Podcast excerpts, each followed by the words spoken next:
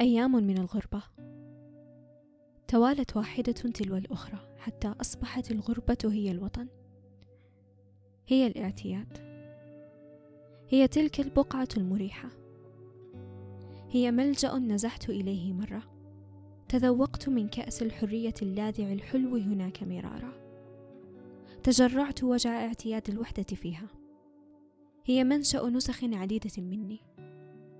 هي مختبر تلاعبت فيه بمقادير عقلي وعواطفي وبعض من رذاذ روحي قدر ما شئت. هي المختبر الذي أنتج مني إصدارات معدودة تكاد تنكر كل واحدة منهما الأخرى.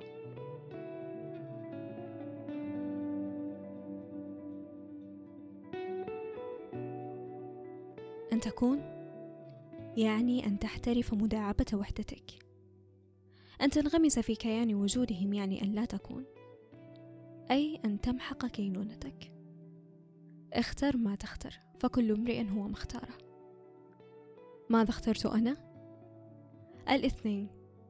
وهكذا يا صديقي تسحق الكرامات ولذلك تدنس الأرواح ولأجل هذا يغتال كل ود أخذ بعته يوما. ومن ثم توقر الأضغان وتقوى شوكة الحنق وحينها فقط.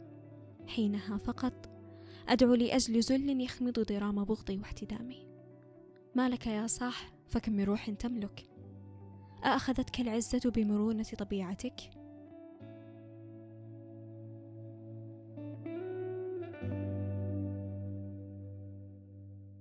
وماذا تفعل بجروحك التي تأبى الالتئام؟ وهل سيكون الاعتذار كاف لمداواتها؟